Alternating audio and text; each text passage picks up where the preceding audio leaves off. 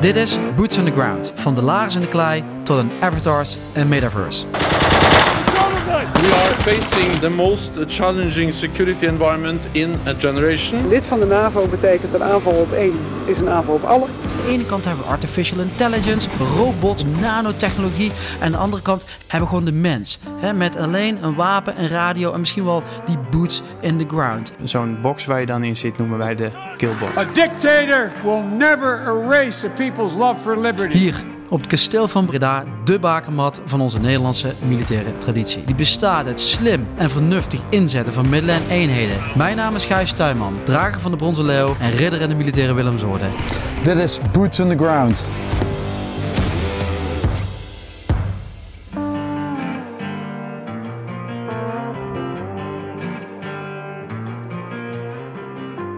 Boots on the Ground Warfighting. Vandaag een aflevering over het, uh, het landoptreden en de Future of War. We gaan specifiek inzoomen in het hele idee van multi-domain operations.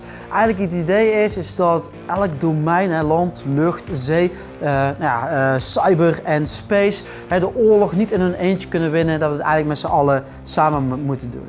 Vandaag hebben we speciale gasten, een landmacht militair, de overste Sander Donker. En die werkt op dit moment in Den Haag. En gaat eigenlijk over de aanschaf van hele grote landsystemen. Toch Sander? Ja, ja. Geweldig dat je er bent. Ja, leuk. Ga zitten, we gaan meteen beginnen. Gaan we doen. Welkom wederom bij een uh, Boots on the Ground Warfighting. Vandaag met uh, de overste uh, Sander Donker. jij werkt bij de afdeling landoperaties in Den Haag. En je houdt je bezig met defense planning. Straks daar, daar meer over. Vandaag gaan we het hebben over het landdomein. Ja. En eigenlijk ja, wat dat landdomein, de specifieke karakteristieken daarvan. En hoe dat eigenlijk in, in de Future of War eruit gaat zien. We zitten hier weer in de gouverneurswoning op de KMA. En jij zat, hoeveel jaar onder mij? Wel een tijdje. Volgens mij zit je een paar jaar boven me. Ja, ja toch? Ja. ja. Jongerejaars. Ja, heel mooi. Hey, je, hebt wat, uh, je hebt wat meegenomen, jouw, uh, jouw artefact. Wat, uh, waar wil je het over hebben? Ja, jij had mij gevraagd of ik een artefact wil meenemen. Hè? Zeg maar wat een beetje buiten mijn domein zet, hè? het zeedomein. Ja. Um, maar goed, hè? ik moet het toch een beetje spiegelen naar mijn eigen domein. Dus ik heb een paar schoenen meegenomen. Dat past ook mooi bij jouw boots on the ground. En jij vraagt je natuurlijk nu af, wat hebben je godsnaam boots on the ground te maken met het zeedomein? Maar um, ja, ik ben eigenlijk wel best wel gefascineerd ook uh, door uh, wat er op zee gebeurt. Um, je moet je breed oriënteren, denk ik, uh, als het gaat over militaire strategie en militaire geschiedenis. En dus ik heb ook een boek meegenomen van, van, van Jutland, hè, fascinerend ja. boek.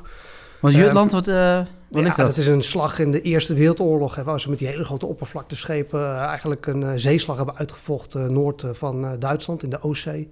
Bij Scandinavië ja, kan ik in één keer in aanraking met Crossing the T. Wat is Crossing the T nou? Je, nou ja, dan kun je met je schepen vaaien zo langs uh, de andere schepen. En als je dat precies juist doet, dan kun jij al je kanonnen wel gebruiken, maar de tegenstander niet. Nou, dat soort simpele tactische dingen, ja, dat denk ik wel, hey, dat proberen wij natuurlijk ook in het landdomein. Ja.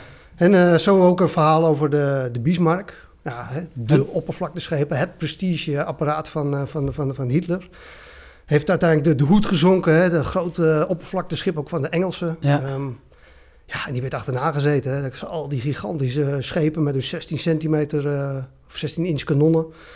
Um, met gigantische granaten waar ze eigenlijk mee die, die Bismarck mee wilden torpederen.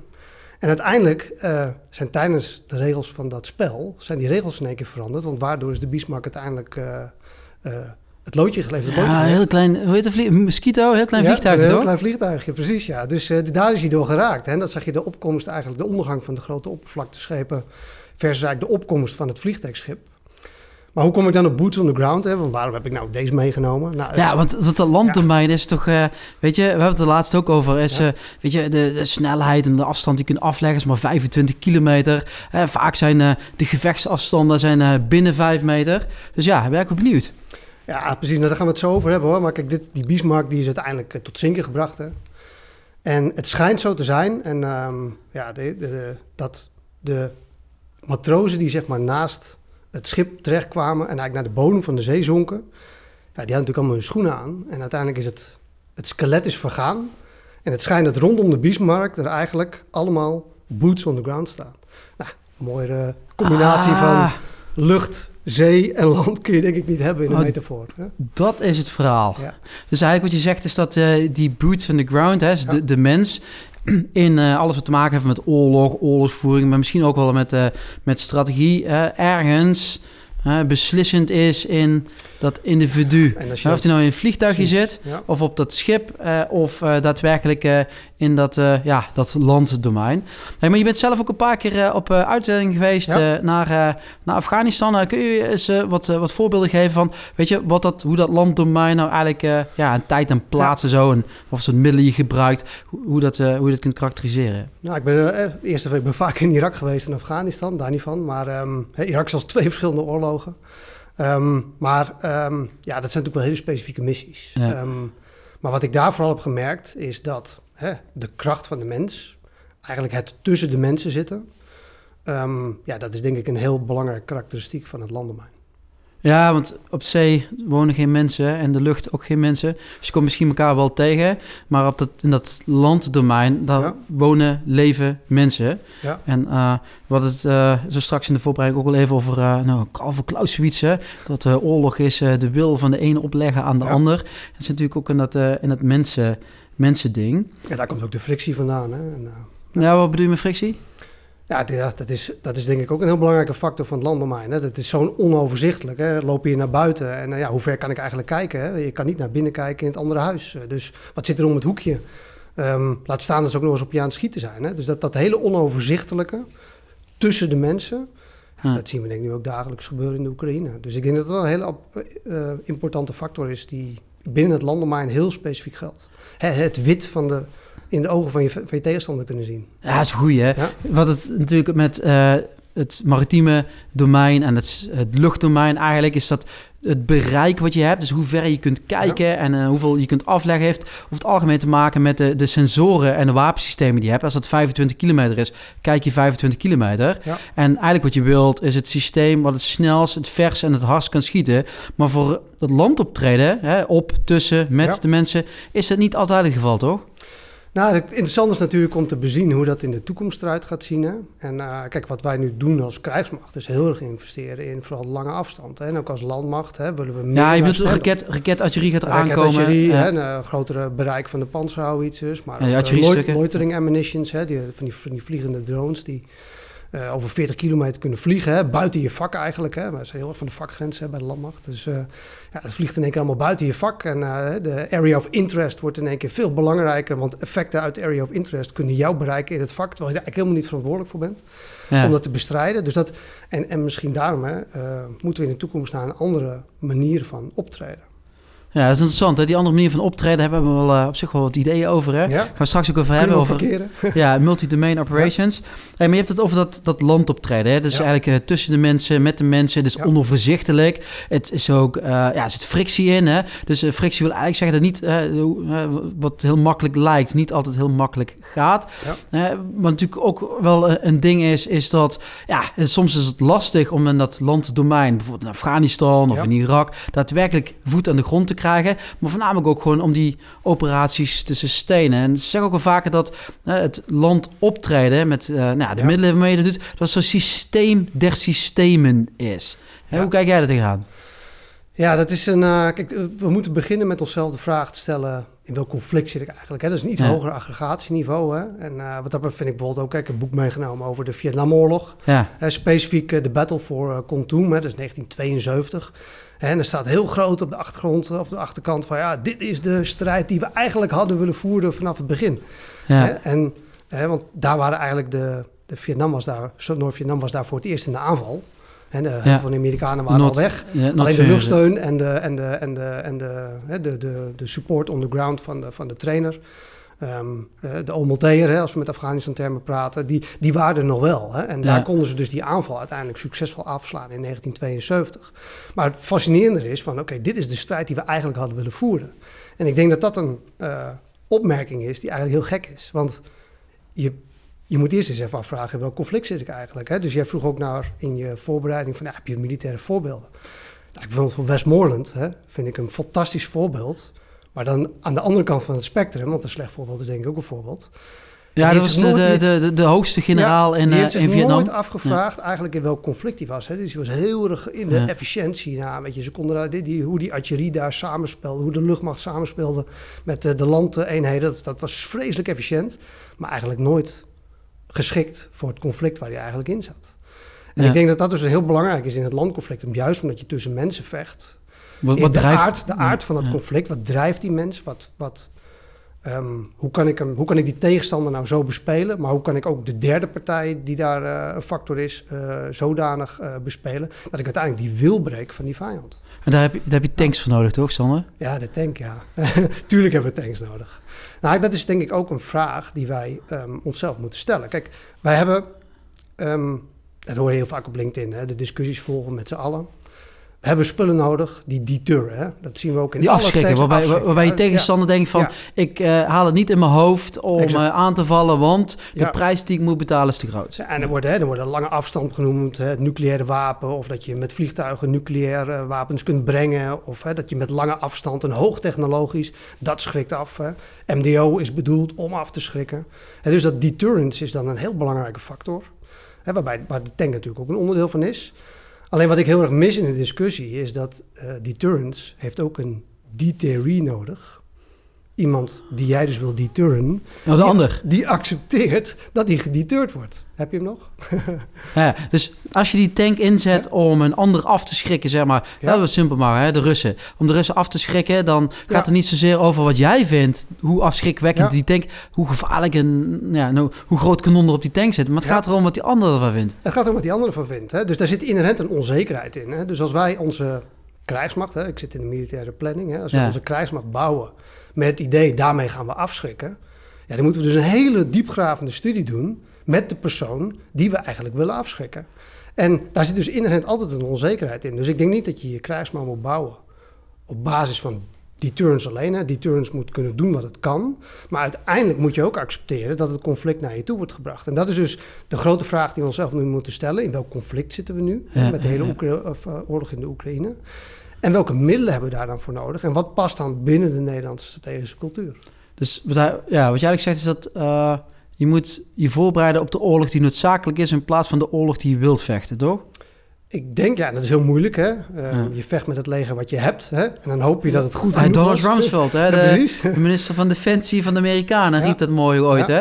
Komt die in Irak op een, eh, zo'n truck Ja. van zo'n logistieke eenheid. En eh, die, die had het heel slecht. Die vond, vond dat ze allemaal zwaardere wapens moeten Ja. hebben. Wat niet meer zei in het land optreden. Hè? En die zei eigenlijk van inderdaad van... eh, weet je, hey, you fight the, the war with the Ja. army have, not the, uh, the, the, the, the, army you want. Ja, en wij moeten dus proberen die toekomst zo goed mogelijk te voorspellen. Hè? En welke middelen hebben we daar dan voor nodig? Hè? En mijn punt is eigenlijk hè, dat als wij dus een krijgsmacht bouwen die heel erg gericht is op hoogtechnologisch, afschrikking, eh, lange afstand. Ja.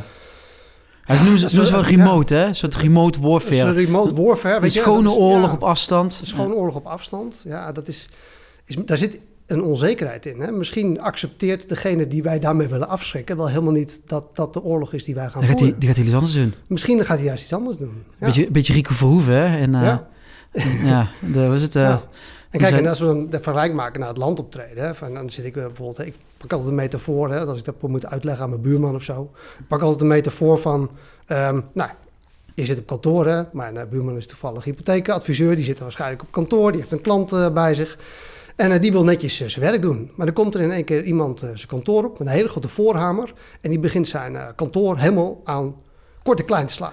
Maar hij moet nog steeds moet hij zijn werk doen. Hè? ja. En sterker nog, hij moet eigenlijk ook samenwerken met het kantoor naast hem, met het kantoor naast hem, misschien het gebouw tegenover hem. Ja. Ehm, hij moet zorgen dat er weer koffie komt, hè, want ja, de logistiek moet ook op orde zijn. En ondertussen wordt om de hele wereld om hem heen wordt eigenlijk vernietigd. En die onoverzichtelijkheid, die chaos, die, die frictie, dat is eigenlijk waar de landmacht nou ja, toe gedwongen wordt. En dat is wat ik bedoel met de noodzakelijkheid van het, van, het, van het gevecht. Het liefst wil je daar natuurlijk helemaal niet komen. Maar om te zeggen van hè, we creëren air superiority of we creëren met lange afstandswapens een zodanige situatie dat je helemaal niet in die loopgraaf komt. Ja, dat is denk ik eh, te onzeker. Dus ik denk dat je je moet voorbereiden op ehm, zo'n conflict.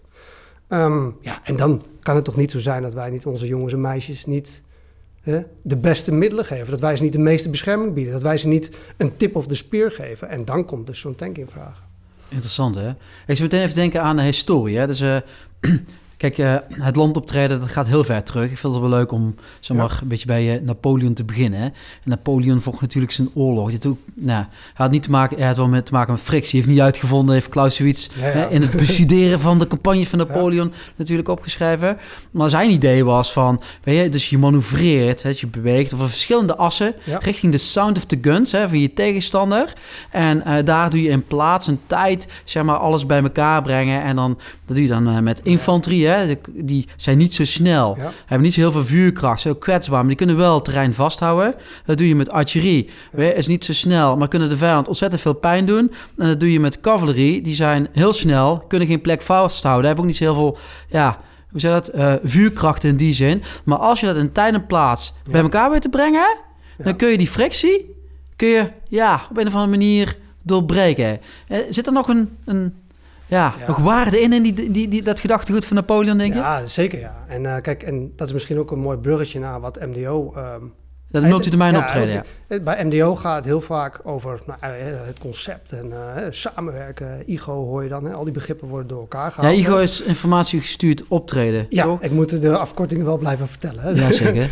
Ehm, maar wat, het, wat ik vind dat de discussie eigenlijk niet zozeer over gaat, is met welk probleem probeert MDO nou eigenlijk op te lossen. Nou, een van die problemen die waar MDO eigenlijk een oplossing probeert voor te bieden, of eigenlijk hè, het, het, wat, wat we nu zien of dachten te zien, hè, misschien is met de Oekraïne het weer iets anders, is dat je hoe, en dat kon Napoleon heel goed, hè, March divided, fight united, hè, Ja. hè, de massing on the, hè, hoe, hoe creëer ik nou concentratie van middelen, hè, die, die mass op het juiste moment, om Ja. uiteindelijk zeg maar met die grondeenheid daar een verschil te maken, dat dat, dat concentreren wordt steeds moeilijker. Want Gaat bijna niet meer, toch? Je ziet het met, met, Ja. met drones en met lange afstandsraketten. Zodra je, ja, hoe je dat? ja, Of het nou maritiem, lucht of Ja. eh, ook land is. Zodra je daadwerkelijk concentreert, dus middelen bij elkaar brengt, dan ben je eigenlijk het, eh, het sigaartje. Ja, en kijk, hè, we hebben heel lang gekeken naar de Russische capaciteiten. Hè. We hebben heel erg geconcentreerd op de middelenvraagstuk. Ik heb hele lange slides gezien en daar zag je al die middelen die ze hadden. Uiteindelijk blijkt de conceptuele com- component ook een hele Ja, belangrijke hoe je dat inzet. zijn, hè. ja. Hoe je het inzet en hoe je Ja. motivatie is, hoe je getraindheid is. Maar los even kijken naar die middelen. Eigenlijk wat Rusland deed en wat misschien China ook doet, is van nou, ik creëer eigenlijk een middel om jou van hele grote afstand te slaan. En tegelijkertijd creëer ik middelen die dat beschermen. Dus eigenlijk zeg ik, ik kan jou slaan, maar jij kan, mij, jij kan eigenlijk niet bij mij komen. En Een soort, soort zeeslag is het, hè? ja, nou ja, dat begint er weer een beetje op een zeeslag te lijken. Hè? En, eh, en dat zie je dus ook eh, inderdaad hè, bij eh, een oorlog op zee. Hè? Ik stuur tien raketten in een vector op een schip af. Drie treffen daarvan doel en de bliep verschijnt van mijn, van mijn beeldscherm. Ja. En als jij dat verder kan dan je tegenstander, dan heb je een, heb je een punt. Maar daar hebben we wel heel erg als westerse landen, en dan praat ik weer over deterrence, hè, hebben wij ons een beetje door laten afschrikken. Wij zagen, wij zagen ja. die, die A2-AD-bubbel, hè, die, die goed Ja, dat, beschermde... dat je geen toegang creëert, Precies, krijgt hè? tot en, en wij zaten van, hoe kom je nou, hè, terwijl ik eigenlijk mijn troep aan het verzamelen ben en eigenlijk al een raket op mijn hoofd krijg, ehm, hoe kom ik nou in godsnaam die bubbel in? Hè? En dat is eigenlijk het militaire probleem wat MDO probeert te overkomen. Maar dat is dan wel op het aggregatieniveau van het militaire vraagstuk. Het lukt me niet meer om mijn middelen te concentreren. Ja. dat is interessant, hè? Kijk, vanuit eh, het mag... heb- en dan misschien nog één Ja. aggregatieniveau hoger is... Wat ik denk, ik, wat, dat zou mijn interpretatie zijn van MDO... is dat wij... Eigenlijk de vrijheid van handelen wordt ons ontzegd. En die tegenstander zegt eigenlijk... ik heb binnen mijn bubbel compleet vrijheid van handelen. En wij moeten eigenlijk weer terug... dat wij die vrijheid van handelen juist weer terugkrijgen... zodat wij vrij kunnen manoeuvreren over het gevechtsveld. Ja, eigenlijk een beetje de asymmetrie bepalen, initiatief Ja. ja. ja, terugwinnen. En dat wij bepalen Ja, eigenlijk wat de spelregels zijn. En ook eh, dat wij de eerste zet zetten en dat de andere op moet reageren. Maar natuurlijk de vraag is dan van prima Sander, maar weet je, dan doe je dat in het landdomein. kun je dat als met de, ja, je werkt natuurlijk voor die landcapaciteit. Hè? Nou ja, succes. Nou, daar hebben we dus best wel een probleem in. En ik denk hè, dat je, hè, ha- hoe overkom je dat probleem? Hè? Met name die, die, die strategic eh, eh, en integrated air defense eh, gecombineerd aan die fire complexes, hè, zoals dat in het Amerikaans Ja, mooi kunnen eh, zeggen. Hè? Ja, dus dat je zeg maar, Ja, eh, dat je als de, de, de lucht, nou, de vliegtuigen eigenlijk niet meer kunnen opereren omdat je vanuit de land, eh, uit de lucht ja, kan schieten. het En, heel goed. Hè, en het allemaal eh, geïntegreerd is ja, met ja. elkaar, met elkaar communiceert. Er verschillende laagjes zijn met radars. Dus je kunt een radar eruit schieten, dan pakt de andere radar hem. Je kunt de raketten eruit schieten, maar dan pakken we weer andere raketten, een andere luchtlaagje. Ja, je ziet nu de Oekraïne het eigenlijk op een hele goede manier uitvoeren. soort vangnet is het, ja. Die zijn met hun, hun air defense, uit, maar volgens mij wordt 80% van de Russische raketten wel gevangen. En het luchtmacht is helemaal buitenspel gezet. Dus die hebben daar best wel eigenlijk een eigen E2AD gecreëerd. Kunnen we misschien nog wat van leren. Maar eigenlijk is het heel gek dat wij, ehm, als wij investeren in eh, luchtverdediging, lange afstand, eh, luchtmacht, dat is natuurlijk heel goed. Maar we, nog ergens moeten we ook nog eens naar binnen toe. Je moet ook nog eens een keer die bubbel, als je dat uiteindelijk mee hebt bereikt, zeg maar, je met al die middelen, zeg maar, dat hebt gedegradeerd, hè, die effectiviteit van die bescherming. Je, je moet, je moet erin Dan moet je ook naar binnen. Hè? En dat is weer die boots on the ground. Hè? Je moet, je Maar- moet uiteindelijk die, die tip of the spear dan ook ermee. Maar het is maf toch? Want als je het hebt over... We hebben twintig jaar een Afghanistan-ervaring. Ja. Dat is juist allemaal on the boots of the ground. Of denk je dat we juist een beetje in de luren zijn gelegd... omdat we daar altijd eh, alle satellieten ter beschikking hadden. En weet je, op het gebied van cyber en de virtuele data... en dat soort shit allemaal meer, was het allemaal geregeld. Ja, we hadden altijd eh, Het is- het moet- air dominance. Ja, ik denk dat we het moeten omdraaien. Ja. Waarom is het de tegenstander gelukt om uit de handen te blijven van al die hoogtechnologische... Kijk, wij, wij hebben onze mond vol van, van hè, de Russische optreden. Het is natuurlijk ook verschrikkelijk wat die mensen doen. Hè? Die, die, die, die vernietigen... Het is een scorched earth eh ja, hè? verbrande aarde. Dus dat is een tweede Ja, ook hè, ja. eh, Er staat geen steen meer op, eh, op, op, op, op, de andere in Bakhmut. Maar als we kijken naar Mosul. Hè, ik heb toevallig in Afghanistan gezeten. In de Ja. laatste push naar Mosul. En Irak, de ja. Koerden trainen. Ja, dan... eh Mosul staat ook geen steen meer op de andere. Dus waarom is het ISIS, hè, de islamitische staat, gelukt om het spel en de regels van het spel zodanig aan te passen dat al onze superioriteit in de lucht, in de ruimte, met onze vuurkracht, eigenlijk teniet werd gedaan en uiteindelijk de Irakees met een geweer van huis tot huis Mosul moest zuiveren. Dat, is, dat vind ik fascinerend om te zien. Dat is ook fascinerend. Ja. Ik zit En- zelf ook mijn hoofd over te breken. Ja. Ik heb het antwoord niet. Nee, niet precies. Hè? Nee. Ik, ik, ik ook niet. Maar als we dat dus op die manier omdraaien, dan kunnen we onszelf vragen stellen dat onze voorliefde voor het hoogtechnologische, onze voorliefde, onze hoop misschien wel om het op afstand te beslissen. Hè? De, in de golfoorlog, hè, 1991, hè, Do Het was right. Hè? Do Het een eh, Ja, we zijn net eh, met eh Joel ja. Posma in de vorige Ja. podcast over eh, het luchttermijn hebben het over Do Het gehad. Hè? The Ja. bomber always gets through. Luister naar die podcast. Ja, zeker. Ja, hè, maar do it was right. Ja, en dan is er dus een hele grote voorliefde voor ehm, dat je het met één domein kan winnen. Nou, en ik denk dat die tijd voorbij is. Ik denk dat wij als, en dat, dat wij moeten veel meer naar een holistische benadering, waarin we die vijf domeinen kijken waar daarvan de krachten zijn. Hoe Ja, je, hebt die, elkaar je hebt die, die vijf militaire domeinen. Hè? Dus Ja. eh, lucht, eh, ruimte, land, maritiem en...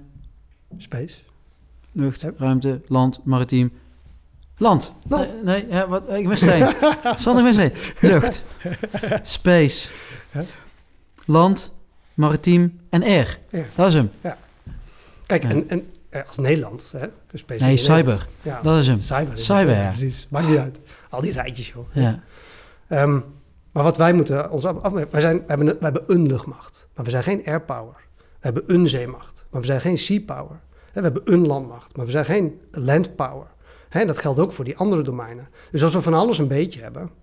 Ja, kijk, we moeten toe naar een soort balanced force. Hè. Colin Gray eh, zegt dat ook. eh, Groot stratege, hè? ja, ja, ja, Is dood, dus hij heeft gelijk. ja, fantastisch eh, boek heeft die man geschreven. Maar Ja. hè, die heeft het over een balanced force. Hè, en die zegt ook van ja, een, een balanced force moet je passen bij je strategische cultuur. Moet een strategische noodzakelijk belang dienen. En moet ehm, ja, niet mooi zijn van zichzelf. Je kan een fantastische, schitterende, op elkaar inpassende krijgsmacht met alle capaciteiten bouwen. Ja, als het niet past bij je strategische cultuur of überhaupt het conflict wat je denkt te moeten gaan voeren, waar je moet op voorbereiden, dan heeft het helemaal geen zin. Het is een balanced force en dat is helemaal niet zo makkelijk. En dat is zelfs, denk ik, nu met die vijf domeinen alleen maar moeilijker geworden. Ja. Ja, da- da- daar moeten we dus heel goed over nadenken. En ik merk nu dat de discussie heel vaak gaat over de eindconclusie. We kopen een tank, we kopen een F-35. Hè? En daar gaat het over geld. Ja, en die, die Maar F-35... de, vraag, de vraag ja. ervoor van welke krijgsmacht willen we nou hebben? Hoe past dat in het grotere geheel met de acceptatie dat wij nooit een sea power, nooit een air power, nooit een land power zullen worden? Dus hoe past het dan in het grotere geheel? Ja, als je aan mij specifiek vraagt van wat moeten wij dan als krijgsmacht hebben, denk ik dat je op al die punten moet je een beetje inpassen. Maar dan gaat het ook over andere grote vraagstukken zoals burden sharing, risk sharing. Ja, We dus moeten in- ergens dat je internationaal met andere landen... Dat je, ja, eh, je hoort het wel eens vaak. Ja. Hè? Van, oh, wij, als wij nou eh, de raketten hebben en eh, de vliegtuigen... Ja. dan kunnen de NAVO, kunnen de Bulgaren, de Roemenen en de Polen... kunnen Ja, en eigenlijk, eh, laat gezegd, tegen- ja. in de loopgraaf de vijand Ja. tegenhouden. Ja, Maar de- en maar ja. ik vind dat moreel gewoon verwerpelijk als wij roepen van wij vechten tot de laatste pol. Hè, ik denk dat wij als... Brits, toch? Eigenlijk. Ja, de Brit, beetje koloniaal, ja. ja. en eh, Vechten tot onze laatste bondgenoot. Ja, precies, ja. En eh, dat, dat zien we nu. Hè. De, misschien vecht de Oekraïne wel ook gedeelte onze oorlog. En dat, hè, de discussie over in welk conflict zitten we nu eigenlijk. Zitten we eigenlijk in een conflict? Wat is het voor oorlog? Wat is onze rol daar nu eigenlijk in? Want we steunen het massaal. Ja, maar, Maar- het is- eh, dan even Ja. interessant, hè? Kijk, en het gaat over cultuur, hè? Ja. En eh, weet je, maar en, en al die domeinen hè, en ook de organisaties die in die domeinen functioneren, de luchtmacht, de luchtdomein, Ja. dat soort dingen, die hebben allemaal een bepaalde manier van georganiseerd zijn, wat, wat daarbij past, maar ook een, cult, ja, een bepaalde cultuur die past bij datgene, ja, eh, hoe je daarin eigenlijk in optreedt. Ja. En eh, ik zit gewoon even hard op te denken. Het zou niet zo kunnen zijn, weet je, je bent ja, in de Afghanistan-tijd of in, in de Irak-tijd, ik Ja. zelf ook in de Afghanistan-tijd, eigenlijk opgegroeid. We hebben natuurlijk ook met eh, lokale eenheden hè, op het laagste vlak in de Ja. samenleving opgetreden. Is dat niet iets wat ons als ja, land eh, militairen Ja. eigenlijk ook op een bepaalde manier ja, nou, tekent in de positieve zin? En we, hebben hier ook een gesprek gehad bijvoorbeeld met Roy de Ruiter. Die Ja. nou, vliegt dan in het maritieme domein. Ze ja, voor ons, zodra het oorlog is, gaan alle luiken dicht. Dan ga ik naar mijn battle station en... Ja. Hè, dan, voor ons is het natuurlijk anders, hè? Is dat, Ja. dat we vaak naar buiten toe gaan en eh, hè, dus eh, verspreid zijn. Ja. eh, proberen contact te maken met lokale bevolking. Hè? Want nou, local knowledge, hè, de kennis op de plek zelf van de mensen is altijd, is altijd key. Ja, ja ik, kunnen het misschien ook wat kleiner maken. Hè. Kijk, eh, ja, we, we sturen elkaar natuurlijk hartstikke veel hè. filmpjes, lessons learned van de Oekraïne. Hè. Hele lange stukken worden erover geschreven. Hè. Ja. We willen daar als professional natuurlijk ook van leren, hè, want je wil je voorbereiden op de toekomst. Hè, maar een van die filmpjes die we laatste keer hadden gezien, dat ging over een tegenaanval van de Oekraïne met, eh, met een tank. Ja, Nou, hè, de context en wat er allemaal vooraf is gegaan, hè, die, dat, dat, dat liet het filmpje niet zien. ontbreekt Maar feitelijk zag je gewoon een loopgraaf waarin eh, Russen zaten. En die tank die rijdt er nou ja, tot op 100 meter naartoe. En die begint op point blank range, begint hij met zijn grote kanon, begint hij systematisch eigenlijk die hele loopgraaf aan gort te schieten. Ja, dan zitten wij als tacticus zitten we van waarom doet die tank dat? Die tank die kan datzelfde effect bereiken vanaf een kilometer afstand, weet je wel. Waarom moet hij binnen de afstand zitten van de Het is, antitankraketten? is een beetje Ja. marine, of tenminste niet marine, maar lucht en, eh Ja, en zeedomein. Hè? Dus oké, maar als ik die afstanden heb, dat ik hem kan zien en ik kan hem aangrijpen, waarom zou ik binnen de waarom range komen? zitten, ja. En, En waarom en- doen ze dat, Sander? Ja, precies. En dat is dat shock effect. Hè? Dat, eh, we roepen wel eens fear kills tactics. Nou, ik heb wel gezien hè, in het verleden wat angst inderdaad met mensen doet. Ja. Hè? Nou, dan, mensen vergeten na te denken. Mensen vergeten eigenlijk alles wat ze geleerd hebben. En daarom trainen wij met drills, hè, dat ons denken overneemt. Hè? Dat doen we namelijk duizend in één keer. En als nou ja, die, die man met je voorhamer weer je kantoor opkomt, hè, om de metafoor maar even terug te halen. Ja, dan moet jij eigenlijk in je Pavlov-reactie schieten dat jij die drill gaat doen. Ja, je Ja, en- dan zie je gewoon dat een ongetrainde Russische eh, militair hè, met, met, met zijn drie danslessen in de strijd gesmeten als kanonvoer, ja, die, zit alleen, die kan eigenlijk alleen maar onder in zijn loopgraaf liggen. Die denkt helemaal niet eens meer aan zijn antitank-wapen. want Die denkt alleen maar van hoe overleef ik dit in godsnaam. En ik denk dat die, die angst en die, die chaos, dat is binnen het landdomein is dat heel erg prominent aanwezig. En binnen het landdomein zijn we ook altijd aan het zoeken in leiderschap, in ehm, hoe manoeuvreer je nou, hoe doe je nou je drills, hoe gebruik je nou je doctrine.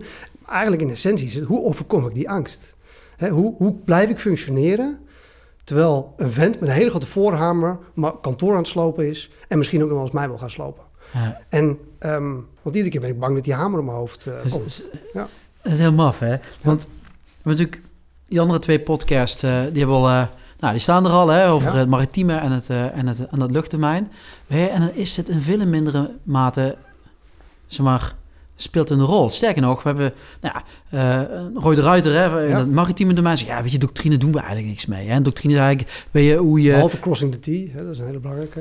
Ja, ja, daar gaan we daar nog wat over. eh, Ik wil er meer over weten. Maar, en, eh, en eh, Joel Posma eh, op binnen lucht- en space domein zegt eigenlijk, ja, Ja. weet je, doctrine is allemaal leuk en aardig, maar zegt eigenlijk alleen maar iets over je vorige conf- conflict wat jij Ja. hebt gevoerd. En jij zegt nu van, en wacht eens even, maar doctrine, dus bepaalde drill skills, Ja. tactieken zijn heel belangrijk, want Is binnen een bittere noodzaak. binnen ja, een essentieel element wat dat landdomein karakteriseert, hè, dus die fok, die frictie. Ik heb, ik heb En dat gezien in, in de laatste uitzending in Irak ook, hè, toen we de Koerden aan het trainen waren, hè, de Peshmerga. En hè, daarbij realiseerden ons iedere keer dat die mannen eigenlijk de strijd in eh, moesten gooien. Nou, dat, dat zijn de mannen die nu de Oekraïnse militairen aan het trainen zijn. Ik denk dat die hetzelfde gevoel hebben. Ik denk heel dankbaar werk. Hè, maar eigenlijk heb je een beetje het gevoel van, nou ja, weet je, zij gaan straks de strijd in. Maar ehm, eh, die, die drill, dat kost zo ontzettend veel moeite om dat in je systeem te krijgen. En dan heb ik de individuele drill. Dat is, ik ben goed met mijn geweer. En dan is schieten is heel makkelijk. Ik haal de trekker over.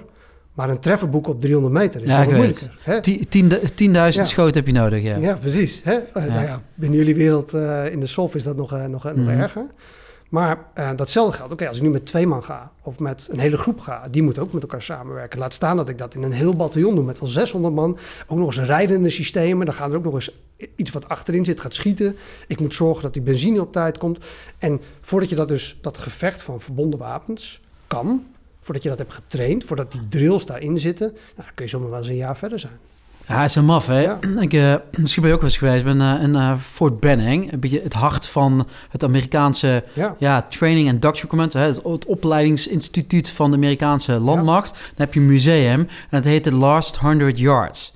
Ja. Hè, waarbij het eigenlijk over gaat dat in dat, in dat landdomein, die, die, die landmilitairen, waar zij, wat zij doen is de laatste 100 meter, of yards eigenlijk, hè, Ja. zeg maar, het laatste stukje tot de vijand daadwerkelijk overbruggen. Ja. En maf is natuurlijk in die andere domeinen hebben we het heel vaak over proberen die afstand juist groot te maken. Ja. Hè, probeer eh, dat eh, in je, je technieken, Ja. tactieken, je concepten, je middelen die je hebt, de afstand, zodat ik wel hem raak kan schieten of kan zien, maar hij niet mij. Ja. Dus En dat is, en dat is fascinerend, hè? Want dat, en dat hebben we gezien in de Vietnamoorlog. Dat hebben we gezien in, en dat, eh, dat zien we nu weer in de Oekraïne, denk ik. Hè? Dat je dus een partij hebt die eigenlijk heel erg heeft ingestoken, Rusland in dit geval, op dat A2AD, hè? lange afstand. Ik kan jou slaan, jij kan mij niet eh, bereiken. En wat doet Oekraïne nu? je kruipt op de Die huid. kruipt op de huid. Ja. Je, die dringt dus zijn regels van het spel op aan, nou ja, in dit geval Rusland. En de hele stad, Bakhmut, gaat... eh, nou, er staat geen steen meer op de, op de, op de, op de, op de... Maar waar- ik vind het fascinerend te zien dat ze... Waarom blijf je daar zitten? Waarom, hè? Want elk weldenkend mensen zeggen... waarom ga je die attritieslag aan? Nou ja, omdat Die uitputtingsslag, ja. omdat ze daar als verdediger hebben zij daar een mogelijkheid om de tegenstander zo verschrikkelijk veel pijn te doen. Dat krijgen ze op geen enkele andere plek voor elkaar. Want in het open terrein ja, moeten ze het onderspit delven tegen die overmaat aan artillerie aan de andere kant. Of tegen die overmaat aan tanks aan de andere kant. Dus je moet jouw regels van het spel moet je opdringen aan je tegenstander. En nou kom ik weer terug op mijn punt van ja, wat voor krijgsmacht hebben we nodig. Als wij dat nou constateren, dat in het landdomein de regels van het spel je soms worden opgedrongen. Dat je dus uiteindelijk, hoe graag je ook wil dat het niet gebeurt, je in de loopgraaf eindigt. Dan kan het toch niet zo zijn dat wij niet de beste middelen om dat, dat gevecht uiteindelijk aan te gaan geven aan onze jongens en meisjes. En dat zou dus ook een tank kunnen zijn, maar dat zou dus ook een goede artillerie kunnen zijn. Dat moet dus ook zijn dat ze een goede getraindheid hebben. Dus dat zit niet alleen maar in spullen. Dat zit ook in, nou ja, je hebt laatst een heel mooi stukje geschreven over eh, de getraindheid. Hè? En, eh, ik, Officieren willen leren vechten. Officieren moeten weer leren vechten. Ja. Ja, en eh, nou, ik denk dat een van de grote gevolgen van de bezuinigingen van de afgelopen twintig jaar is geweest. Dat we heel veel kennis zijn verloren. We zijn heel veel onderofficieren verloren in het up or out. Hè. Gewoon ja, heel dat zijn vakmensen. Het, is Die- gewoon een, het zijn vakmensen, wel, die, die, die, die wapensystemen kenden, die wisten hoe ze zo'n drill moesten aanleren bij jonge soldaten. Nou, en ik denk dat dat, dat, dat een hele belangrijke factor is. Die conceptuele component, die we een beetje vergeten waren, want we zaten ellenlange slides te bekijken van allemaal Russisch materieel. Hè? Maar die conceptuele component van hoe plak ik nou al die systemen op elkaar tot een effect? Welk effect wil ik überhaupt ermee dan bereiken? Dat is de discussie die we met elkaar moeten voeren. En ik denk dat we daar in het land optreden beter in moeten worden. Daarbij nog eens aan gekoppeld, om het extra moeilijk te maken, is dat het landoptreden zich ook moet realiseren dat ze niet meer alleen kunnen. Elk domein moet zich realiseren dat ze niet meer alleen kunnen. Dat Ja. wij dus om, om, die, om überhaupt die tegenstander bij zijn lurven te pakken, om onze regels van het spel op te dringen aan de tegenstander, moeten wij ook dicht op, in staat zijn om dicht op hem te kruipen. Ja, want uiteindelijk Ja. oorlog bedrijf je niet zozeer omdat je het leuk vindt, maar omdat eigenlijk je, je, je waarde op, o- Ja. hè, of eh, de territoriale Ja. integriteit of datgene wat we belangrijk vinden. Hè, we zeggen altijd eh, beschermen wat ons dierbaar is hier eh, in Nederland. Omdat het eigenlijk, ja, dat, dat is het steek, ja. Ja. Het, blijft, blijft, blijft fascinerend. En, maar je zegt van, weet je, in dat landdomein hebben we natuurlijk eh, nou, allerlei middelen en dat wordt allemaal beter en zo. En het gaat over, weet je, ook over die angst eh, eh, in die voorste lijnen Ja. te doorbreken en dat bij de ander eigenlijk eh, neer te leggen. Hè, die wil tot vechten tot nemen. Wat kan, dat, wat kan die landmacht straks niet meer zelf? Nou ja, kijk, ehm, wat, ik denk dat de Oekraïne-oorlog, hè, er wordt, ja, we zitten weer terug in de loopgraaf. Nee, die loopgraaf is hartstikke modern. Want eh, in die loopgraaf zit ook een vent met zijn drone. Eh, in die loopgraaf heeft hij via Starlink, van een privaat onderneming trouwens, bizar, Sa- Satellietcommunicatie. ja. satellietcommunicatie naar achteren, waarmee die eh, high sophisticated rockets kan, eh, kan, kan Ja, high- van die HIMARS dingen. Ja, hè, dus het, het, wat we zien is een, een mengeling van oud en nieuw. En hè, daarbij moeten we dus het oude niet vergeten, maar ook accepteren dat sommige dingen ook gewoon echt niet meer alleen kunnen. En als we dan gewoon eens even heel, heel sec kijken hè, naar wat kan het landmacht bijvoorbeeld niet. Nou, ik denk dat als je een hele brigade ergens naartoe wil brengen, bijvoorbeeld naar de het oostgrens. zijn, eh, was het 3.500 eh, mensen Ja, en een met hoop al zijn voertuigen. voertuigen en, en- weet het allemaal wel. Ja. Hè? Military mobility is op dit moment een heel groot issue binnen de NAVO. Ehm, maar dat gaat, dat gaat niet zo snel. Ja, het luchtwapen heb je daar binnen, binnen een uur. Hè? Want die, die, die is, dat is een van de kenmerken van het luchtwapen. Die is geografisch niet gebonden. Nee, hebben we gehad. Hè? Klopt, ja. Nou, dat- Bin- dat binnen drie, drie tot vier uur kun je dan Ja. bom neerleggen. Ja, precies. Maar tegelijkertijd heeft het luchtdomein... Ja, wat is een zwakte van het luchtdomein? Je moet heel simpel de zwaartekracht overwinnen. Dus daar zit altijd een beperking in. Ik heb dus een beperking in payload... Maar op een gegeven moment is mijn, Dus mijn kerosine op. Ik kan niet meer vliegen. Dus ik heb een beperkte loitertijd. Dus daar zitten onzekerheden Ja, in. je kunt En geen terrein vasthouden, hè? ik kan geen terrein vasthouden, maar Nee. een tank kan dat bijvoorbeeld ook niet. Een tank, hè, daar kun je terrein mee winnen, maar je kan het terrein niet meer vasthouden. Want dan moet je dus weer iemand hebben op de grond die daarnaast staat, die dat terrein uiteindelijk hè, zichzelf ingraaft weet ik het allemaal. Ja, en degene Dus- die, zich- die zichzelf ingraaft, die is weer het risk. Want je wordt zo plat gegooid. Dan heb je weer bijvoorbeeld dro- drones nodig die eh, vertellen waar de tegenstander zit. En dan heb je Je kleine drones eh, en grote drones. nodig om, eh, om hè, want ik denk dat hè, de Oekraïne heel erg geholpen wordt met alle space assets van ons die daarboven hangen, die ze vertellen van nou ja, de- daar zit de Russie, daar proberen die Russen zich te concentreren, daar proberen die Russen zich te concentreren. Dus als je je HIMARS wil inzetten op een effectieve manier, ja, dan is dit eh, de mogelijkheid om een, eh, met een lonend doel. Dus dat heb je allemaal nodig. Ja, Dus- en dan, dan ja. al die artilleriegranaten, bijvoorbeeld van de Russische kant. Ja. Weet je, ook weer naar binnen te kraaien heb je weer heel veel logistiek nodig, brandstof. Het zijn, als je daar sommetjes over maakt, Ja. het is ongelooflijk. Tegelijkertijd worden we gestoord hè, in, het, in het elektromagnetisch spectrum. Hè, eh, wordt, eh, nou ja, voordat we überhaupt van het vliegveld af zijn, heeft eh, de vliegveld heeft al een eh, cyberaanval te pakken. Kunnen we Ja, eens opstijgen? Of, of het schip, of het schip eh, wat in de. Zwarte Zee van de Russen vaart met al die granaten. Weet je, je krijgt eh, GPS-spoofing, hè, dus dan wordt het GPS-signaal Ja. verstoord, komt de verkeerde haven binnen. Hè, of land, een landeenheid die een, een, een maritieme raket afschiet op een, op een, een vlaggenschip. Zeker, weet je. En dus, en dus in alle domeinen zitten dus onzekerheden. Hè? En die onzekerheden ehm, en die krachten en zwaktes, als we die nou eens gewoon bij elkaar pakken en daar één geheel van maken. En als we dan het militaire probleem, want ik vind dat binnen MDO, hè, er wordt heel vaak verward en op een veel te hoog aggregatieniveau over gepraat. Maar als we nou gewoon eens concentreren op het militaire probleem. Hè? Ik heb een vijand die in staat is om zichzelf goed te verdedigen en met meer stand-off mij te slaan. Ehm, in plaats van zijn spel te spelen, hè, door zelf ook heel goed te gaan verdedigen en eh, voor een hele lange afstand te gaan staan, moeten we misschien eens even nadenken over hoe kom ik nou dichtbij hem? Hoe kan ik hem nou bij zijn lurven pakken? Hoe kan ik daar dan dezelfde risk sharing, burden sharing doen als mijn Poolse collega? En hoe kunnen we dan binnen de NAVO een balanced force krijgen die dat probleem overkomt? Ehm, en dan hebben we elkaar allemaal nodig. Dan hebben we alle domeinen, dan moeten we een holistische benadering toepassen, waarin alle domeinen ehm, nou, een bepaald effect brengen om uiteindelijk zeg maar die penetration, disintegration van dat eigenlijk die vijandelijke verdediging, om dat niet te doen. Er is heel veel NAVO-jargon, Ja. hè? Ja.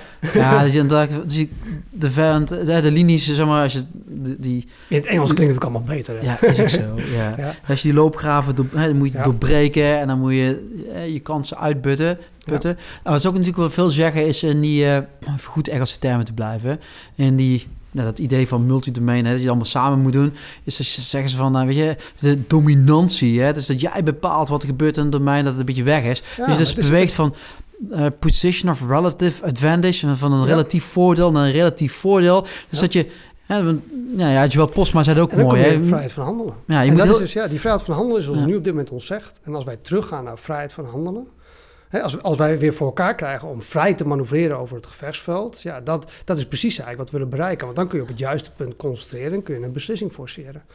Kijk, en dat is een hele westerse manier van denken misschien. Hè? Ehm, hè, wij, willen altijd, wij zijn altijd op zoek naar die flankbeweging die de hele strijd bepaalt en dat we daarmee het gevecht winnen. En, Ja. en, eh, en dan, vraag, dan zit ik naar Bakhmut te kijken en ik mezelf, wat zijn die Russen aan het doen? Er zit niks eh, aan flankeren aan, weet je wel? Er zit gewoon Nee, aan- dus dat je eigenlijk over de flank gaat, ja. waar de vijand niet zo sterk Ja. is. En dat je eigenlijk in zijn achtergebied komt en dan hem eigenlijk afsnijdt. En dan de cohesie, de samenhang in zijn optreden aan elkaar laat vallen. En dat hij soldaat in de, in de loopgraaf geen eten meer krijgt. En eigenlijk te- eh, geen munitie meer krijgt. Niks meer hoort van zijn commandanten achteraf. En zoiets heeft van, weet je wat ik doe? Toedeledokie. En, en wat doe je met een tegenstander die het eigenlijk helemaal geen reet interesseert als zijn, zijn soldaten eigenlijk eh, geen eten meer krijgen? En er zit geen cohesie in het besturen ze optreden. toch voorwaarts. Ja. Er is geen wil tot Ja, vechten, ja. maar toch zitten ze daar. En dan zit je dan met je manoeuvrist approach, hè? De, de manier van vechten waarbij zeg maar, met, hè, altijd zoeken naar die ene beslissende slag die uiteindelijk de oorlog beëindigt. Ja, dus we moeten op een hele andere manier daarna gaan kijken. En ik denk dat, hè, dat MDO ehm, is een evolutie. Het is geen revolutie. Het is een manier om te kijken naar welke, nou, als defense planner, we hebben extra domeinen. We hebben onzekerheden in onze eigen optreden. Hoe kunnen we nou elkaar versterken? Dat wij weer vrijheid van handelen krijgen.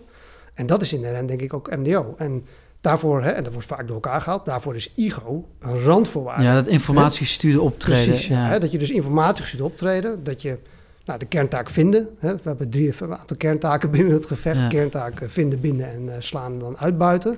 Hè, de, de analogie van de bokser. Ja. Ehm, maar het gaat uiteindelijk om dat je hem bij zijn lurven pakt. Maar als je hem bij zijn lurven pakt, moet je eerst weten waar hij is. Ehm, dus die kerntaak vinden, zeker in deze tijd, met alle techniek die erbij is, dat is precies wat op dit moment wordt heruitgevonden. Dat is het, waarom wij niet meer makkelijk kunnen concentreren, want we worden gevonden. En Ja. het is ook nog eens in staat om via een Starlink of hè, informatiegestuurd optreden, om heel snel die informatie bij een shooter te krijgen. Zodat die, dat je dat ook nog eens kan uitbuiten.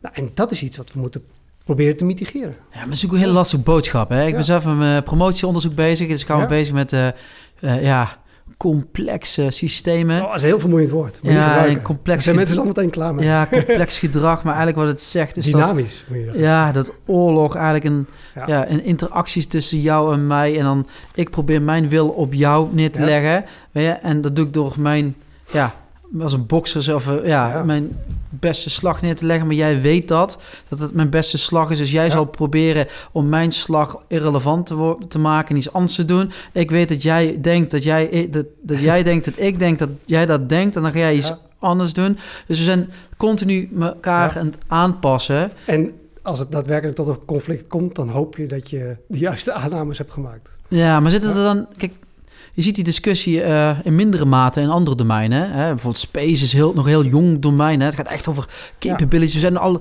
zijn het space domein zijn we nog aan het verkennen. Hè? We proberen er ook allerlei concepten, zoals eh, theorie op te plakken vanuit, Ja. vanuit, vanuit de, de, het de marine bijvoorbeeld. Ja, en ik, ik, zou, ik zou eigenlijk willen propageren dat we daarmee, dat we, een veel, dat we veel meer daar samen over discussiëren. Ik merk dat nu, ondanks dat we de vijf domeinen erkennen, dat we erkennen dat daar ehm, zwakheden, voordelen in zitten en dat je elkaar nodig hebt, vind ik nog steeds dat we heel weinig met elkaar discussie voeren.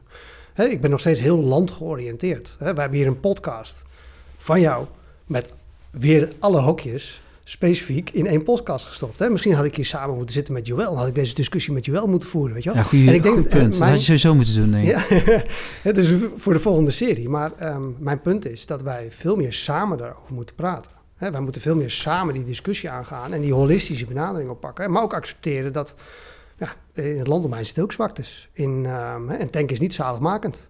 Ik kan nu, jij kan mij nu de modernste tank van de wereld geven. Ik heb er helemaal niks aan als ik helemaal niet weet hoe ik ermee moet optreden. Nee, ik heb ik er niks aan als ik hem bescherm heb- met infanterie. Ik heb een drone voor 1200 piek. Ik hang er een RPG-granaat onder. En ik laat, als jij het luikje, Ja. luikje open doet van je tank, Krijg je hem op laat, mijn hoofd. laat ik Ja. hem naar binnen vallen, ja. Ja, weet je dus, en dat is dus de regels van het spel veranderen terwijl het spel bezig is. Ehm, En als we die discussie veel meer met elkaar voeren, dan denk ik dat we ook veel afgewogener kunnen kijken van nou, wat is nou eigenlijk die balanced force die de Nederlandse krijgsmacht nodig heeft? Ja. Nou, en dan denk ik toch, nog, hè, ik kom er weer op terug, dat die focus op hoogtechnologisch, ja, dat het toch wel eens in onze billen komt bijten.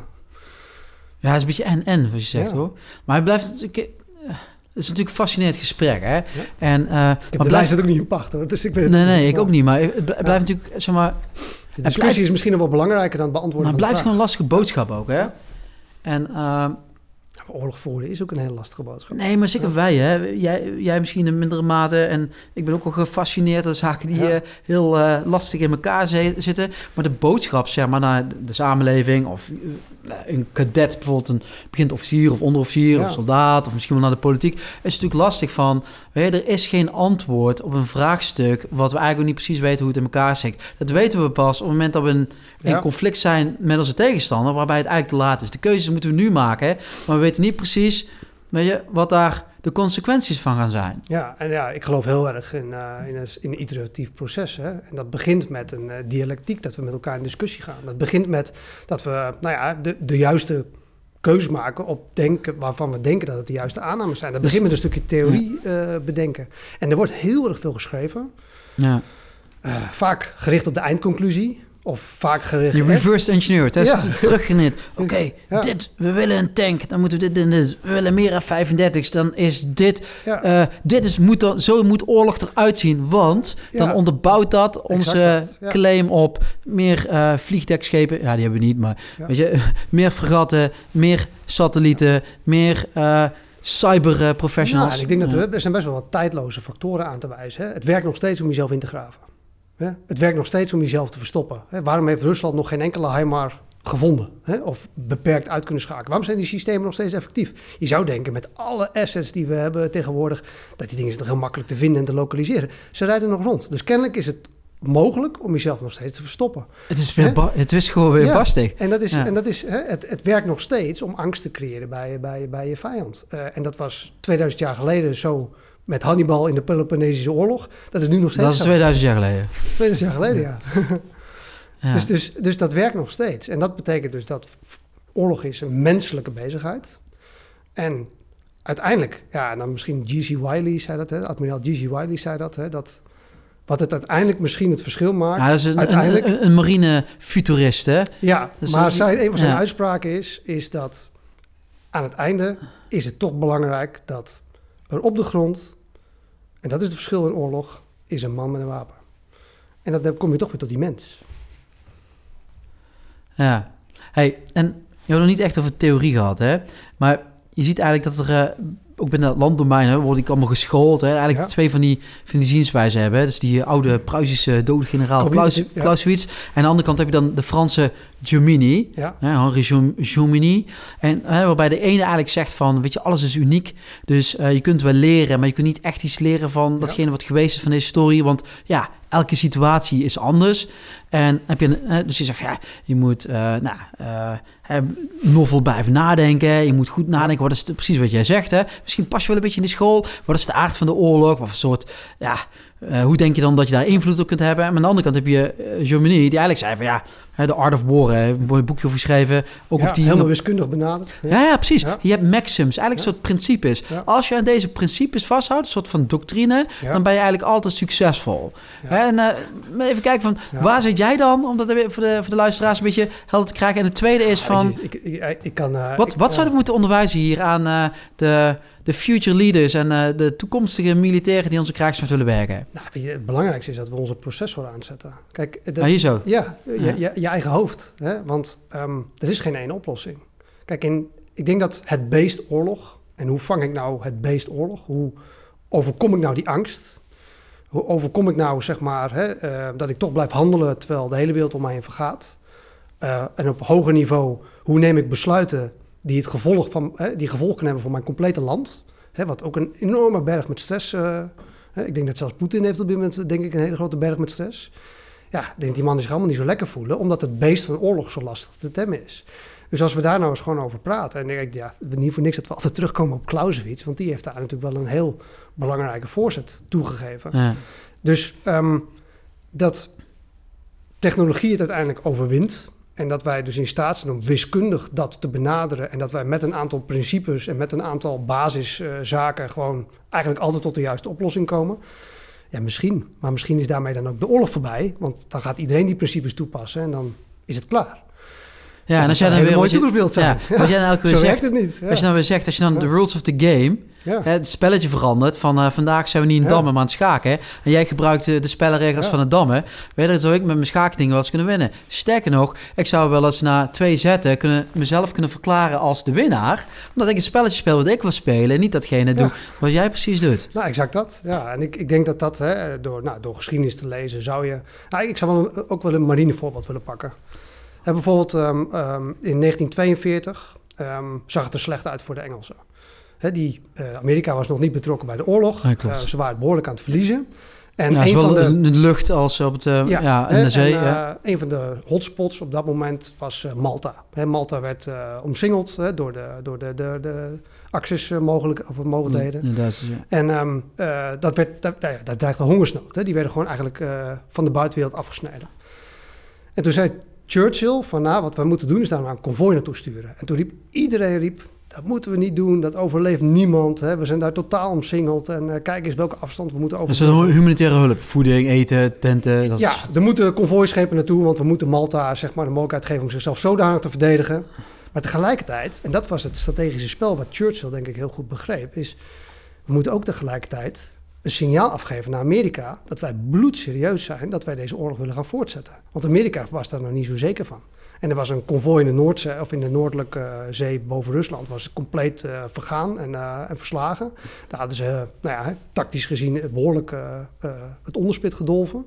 Dus Churchill zei, we gaan nu een signaal afgeven. Dus ik ga de grootste vloot die ik maar kan bedenken, die ga ik bij elkaar rapen. En ik ga met Operation Pedestal, heet die, leuk boek van. Eh, ga ik tien konvooischepen ga ik naar Malta brengen. Zich realiserende dat het ongetwijfeld, dat nou, misschien wel een derde of twee derde van zijn schepen daar gewoon eh, naar de kelder worden gejaagd. Maar dat naar de kelder jagen, dat was gewoon, dat is die bloodsharing, die burden sharing, die hij moest laten zien aan zijn belangrijkste te beïnvloeden partner, namelijk Amerika. Van ik ben bloedserieus om dit gevecht te blijven voortzetten, ook al zit me alles nu compleet tegen. En dat was ook een belangrijke stap voor Amerika om uiteindelijk ook in die oorlog te stappen. Nou, uiteindelijk hebben vijf van de tien koopvaardijschepen hebben het gehaald.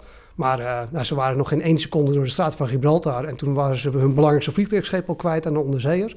Weet je, dus dat, dat is, daar is van alles goed gegaan, misgegaan. Maar de strategische boodschap, zowel naar de vijand toe van... hé, luister, ik heb resolve, hè? ik heb de wil... Bereid om door te zetten. Ja. Ja. Ja, ja. En dat is dus, dat is denk ik oorlog. Ehm, en oorlog is niet schoon. Oorlog is dus accepteren dat als ik vecht voor een zaak die ik belangrijk vind, die de strategische belangen van mijn land dient, dat betekent dus ook dat ik bereid moet zijn om twee derde van mijn vloot op te geven. Bereid om te bloeden, ja. Ja, ik moet bereid zijn om te bloeden daarvoor. En, en, en dat besef is denk ik het belangrijkste. En daarom moeten wij die discussie voeren. Ja. Niet alleen met onszelf, hè, professioneel, maar ook met politici. Nou, je hoort natuurlijk hier ook wel vaak dat... eh, we zitten hier natuurlijk op, eh, op de, Ja. de KMA, hè, de Nederlandse Defensie Academie. Eh, dat eh, een beetje verschoven zijn na 20, 25 jaar vredesdividend, hè, na de Koude Oorlog. Na, Ja. dat onze hoofdprioriteit is bedrijfsvoering. Maar hoe kun je het, eh, ja, de organisatie, defensie of de krijgsmacht Ja. zo efficiënt mogelijk runnen? Maar je ziet eigenlijk dat dat ons ja, eigenlijk zand in de ogen strooien is. Ja, dat is ja. Ik denk, hè, de, wat, wat we moeten doen is, en daar klagen we zelf. Als ik gewoon kijk naar onze eigen landmacht, kijk naar hoe Amersfoort op dit moment is georganiseerd qua kennisproductie. Ja, Ja, dus, daar dus het, klagen we met z'n allen over. ja, dus het, Ja. als je het hebt over gevechtskracht, is daar waar Ja. de, de tanks, de infanteristen, de zaken bij elkaar moeten Kijk, komen. en eh, laten we, hè, wat de 13e brigade is een mooi voorbeeld. Hè? Dat is door bezuinigingen ontstaan. Nou, die willen we kijken hoe de 13e brigade, zeker nu we hem hebben geïntegreerd binnen de 10e panzerdivisie, hoe we die meer, meer, meer gevechtskracht kunnen geven, maar ook kunnen laten doorontwikkelen binnen het concept van medium force in de NAVO. En dan moeten we dus heel goed gaan nadenken. welke effecten willen we eigenlijk bereiken met die brigade? Wat is eigenlijk het brigadegevecht binnen de context van de Duitse divisie? Misschien ook wel binnen MDO. En die effecten, dat is de start van de discussie, hè, ehm, die zich vertaalt in capaciteit. En uiteindelijk is de eindconclusie, oké, dan heb ik dat middel nodig. En nu beginnen we vaak bij, ik heb dat middel nodig. Dan gaan we alles terugredeneren naar dat middel. En vaak is dat middel dan ook nog eens ontstaan door legacy voertuigen, die ook weer ontstaan zijn in tijden van bezuinigingen. Allemaal financiële keuzes. Ja, allemaal oud Ja. ja. En dan, is, en dan beginnen we dus niet aan het begin, we eindigen op het eind. En dan krijg je hele onzuivere discussies. Dus mijn eh, punt zou zijn, is laten we daar weer wat meer met elkaar professioneel in discussie gaan. Laten we dan ook weer de mogelijkheid geven aan de werkvloer om gewoon te trainen. Laten Ja. we gewoon eens te trainen op brigade, bataljonsniveau. Ehm, laten we met die divisie, die Duitse divisie gaan trainen. Laten, wij, ehm, onze, laten we onze brigadegeneraals en bataljonscommandanten weer eh, gunnen dat we ze aftesten met moeilijke oefeningen waar ze misschien de helft zijn verloren, maar wel heel veel van geleerd hebben. Ja, dat is eigenlijk wat je zegt. Ja. Dus je moet, we moeten eigenlijk weer shithot worden in datgene waar we van zijn. Hè, dus in ja. eh, Ja. warfighting... eh, Ja, nou, ik, Binnen- ik, ik maak je punt van je mooie artikel, maar eh, Ja, nee, maar warfighting binnen dat, eh, binnen dat landdomein. Maar wat jij ook al zegt, je had het bijvoorbeeld over raketartillerie, hè, die HIMARS. Maar de grap is, die HIMARS wordt natuurlijk wel van het land afgeschoten. Hè, die bereikt een doel wat ook weer op het land is, maar die gaat door de hogere luchtlagen. Ja. Even had gezegd van de luchtmacht. Misschien ook wel over een stuk eh, zee. In ieder geval die radar... op Die radar informatie gebaseerd wat in het cyberdomein gevonden is. bijvoorbeeld. En eh, die Of eind... een F-35. Ja, die eind. De, dus de, de eindgeleiding van die HIMARS is. GPS. Ja. Eh, en misschien zelfs wel de, de controle of de beslissing om die te nemen is, komt van de informatie van een verkenner in het landdomein, wat via een satelliet communiceert, via een schip wordt gerelayeerd. En, dus- dat is, en dat is precies deze het- discussie moeten we met elkaar Ja, dus in, in isolatie is het allemaal niet zo heel veel. ja. Dus hoe breng je dingen bij elkaar? Ja. Hey Sander, we moeten ook langzaam naar een, eh, een puntlanding toe. We, Ja. we, zijn, we zijn natuurlijk even begonnen. Hè, we hebben natuurlijk over het landdomein. Maar je, je zet mij even op eh, een goede eh 1-0 achterstand... door eigenlijk in dat zeedomein eh te beginnen. Ik wist niet precies waar je heen ging, maar dat is, eh, dat is helemaal goed gekomen. Hè? Dus we hebben het over dat, dat landdomein gehad, wat de karakteristieken zijn. Ja. En weet je wat mij wel een, bij- een beetje bijblijft... is dat toch dat lucht- en dat maritieme domein is een beetje leeg... Ja. Dat landdomein zit heel vol. Ja. Het gaat niet zozeer om de afstand te keren met eh, nou, ja, degene die je probeert pijn te doen, maar eigenlijk om die laatste 100 yard te sluiten. Dat je daar een systeem nodig hebt van allerlei verschillende milletjes in tijd en plaats die je niet precies weet. Maar het gaat er niet zo over dat eh, jij eh, de, ja, de wapensystemen of de raketten de andere kant op kunt zenden. Maar het gaat erover wat het doet met die ander in zijn hoofd of wel of niet eh daar door te vechten. We hebben ook een beetje over doctrine gehad. Hè? Heb je die Clausewitziaanse... ja, Frictie. ja, dat gaat maar over frictie. Dat is allemaal vies, weet je, lastig, moeilijk, complex, adaptief. Ja. Boxers. eh, Met die woorden moeten we niet eindigen trouwens. nee, gaan we niet. En de andere wereld is- Gemini, waarin we eigenlijk alles heel mooi eigenlijk in een soort spreadsheet kunnen stoppen. Als je Ja. dit, dit en dit doet, dan ben je. Daar heb ik een beetje over de historie gehad van, eh, van dat landdomein. Hè? Van dat, eh, dat, dat Napoleon. En dat er nog steeds wel wat, wat, wat van die zaken in zitten die nog steeds relevant zijn. Hè? Dus het closing the gap with the enemy. In tijd en plaats manoeuvreren. Hè? Dat, dat, ja, je kunt niet alles in één ja, s- boxje stoppen. Want als je alles concentreert, ben je kwetsbaar. En het komt door andere domeinen heen. We hebben het ook al even gehad over dat eh, met drones en zo. Weet je, dat die, dat die niveaus in elkaar aan het schuiven zijn. Ja. En, en het belangrijkste is denk ik hè, dat, je, dat we ons realiseren dat het conflict wat we willen vechten, misschien niet is het conflict is wat we gaan vechten. Ja, misschien is dat nog wel eh, de allergrootste boodschap. Hè? En we hebben natuurlijk ook gehad over van... Weet je, hoe ziet zo'n organisatie zo- van zo'n landsysteem eruit? Hè? Want de landmacht is best wel lastig georganiseerd. Met allerlei... Je hebt over brigades, bataljons, kompieën, pelotons. georganiseerd. Ja. Ja, en dat verandert nog eens een keer. En dan heb je heel veel sustainment, hè? allemaal logistiek wat anders is. En dan uh, geneeskundige afvoerketens en artillerie wat door de lucht gaat. Allerlei dingetjes. Hè, maar ook dat het toch wel heel erg sterk zit in dat je niet precies weet... Ja, waar je gaat vechten, tegen wie je gaat vechten, Ja. hoe je gaat vechten... en eh, ja, wat misschien wel het effect is wat eruit moet voortkomen. Ja, en de angst die dat oplevert, die je moet overkomen. Ja. Ja, nou, misschien is dat misschien het allergrootste. Dat je niet precies weet wat de opgave is die voor je ligt. En dat dat een bepaalde angst zorgt. En hoe... Ja. En dat is de reden waarom we denk ik het beste voor onze jongens en meisjes op de grond moeten willen hebben. Ja. Ja. Nee, en als je dan hè, voor, eh, nou, misschien wel de, de kadetten hier zo, of Ja. eh, de, de luisteraars, weet je, die misschien wel een luchtmobiele brigade willen, of F-35-piloot willen worden. Als je een van die boeken moest uitkiezen en je zegt van, oké, als je dan wil voorbereiden op eh, Ja. de frictie in oorlog en eh, ja, de, de angst en de fear die erbij komt kijken en hoe je dat kunt overwinnen, wat zou je dan, welke zou je pakken hier? Oh, dus je stelt me nu een hele moeilijke vraag, want ik heb eh, thuis eh, een enorme boekenkast vol en ik moet ook heel erg veel weggeven om, eh, nou ja, ik mag niet zoveel thuis eh, houden, want mijn eh, leeswoede die haalt het niet. te- Ja. Welke zou, welke zou je adviseren? Maar die ik hier nu bij me heb, hè, dan Ja. denk ik dat, nou, het enige boek waar we nog niet over hebben gehad, hè, dit is in ieder geval die ik al heb behandeld. Ja. Maar ik denk een van de boeken is, ehm, gaat over eh, Grant in de Amerikaanse burgeroorlog. Ja. En Ulysses boek, Grant. ja, boek van eh, Bruce Catton, hè, beschrijft eigenlijk de laatste campagne van, van, van Grant. En daarin zag je ook weer een militair bevelhebber die ehm, eigenlijk in combinatie met Lincoln eh, op een strategische manier aan het denken was. En die heeft in zijn laatste campagne, heeft hij continu geprobeerd om het eigenlijk te winnen van Lee. Ze hebben om elkaar heen gedraaid, ze hebben veldslagen uitgevochten. Maar het belangrijkste was, is dat hè, waar de Amerikanen in het eerste gedeelte van die oorlog vaak, nou ja, we gingen heel, erg- met een heel groot leger staan op afstand. En dan hoopten we dat het afschrikwekkend genoeg was dat die Zuiderlingen eigenlijk niet naar eh, hun, hun toe kwamen. Hè, die McGallen, McClellan, eh, die deed dat en Ja, zo. McClellan, ja. Ja, dat was een grote afstand. Ja. Zei Grant, eh, dat gaan we niet doen. We gaan het gevecht naar Lee toe brengen. En wij gaan hem bij zijn lurven pakken. En die attritie, die win ik wel. Want wij hebben een groter reservoir, een betere logistiek. Ehm, en dat blijven we doen tot het einde van de oorlog. En dat bij die lurven pakken, dat wordt in dit boek denk ik heel erg mooi beschreven. Ehm, en dat is denk ik ook de eindboodschap waarmee ik wil eindigen. Dat, hè, dat ondanks dat we misschien het heel fijn zouden vinden als het allemaal over lange afstand kan, dat het gewoon noodzakelijk is dat we af en toe die vijand bij de lurven grijpen, het wit in zijn ogen zien. Ja, en dat is dan het land optreden. Ja, closing the distance with the enemy. Hey. Sanne, super bedankt. Eh, ja, ik denk dat ik hier nog eh, wel een aantal dagen mijn, eh, mijn hoofd over een scratcher ben. Goede boodschap. En nou, in ieder geval bedankt voor het kijken en tot de volgende keer.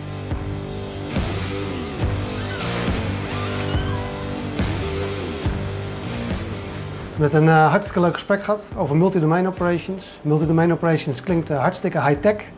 Maar eh, waar het uiteindelijk om draait, dat zijn de mensen, de boots on the ground. Mensen zoals jij, mensen zoals ik. En die maken het verschil op het gevechtsveld.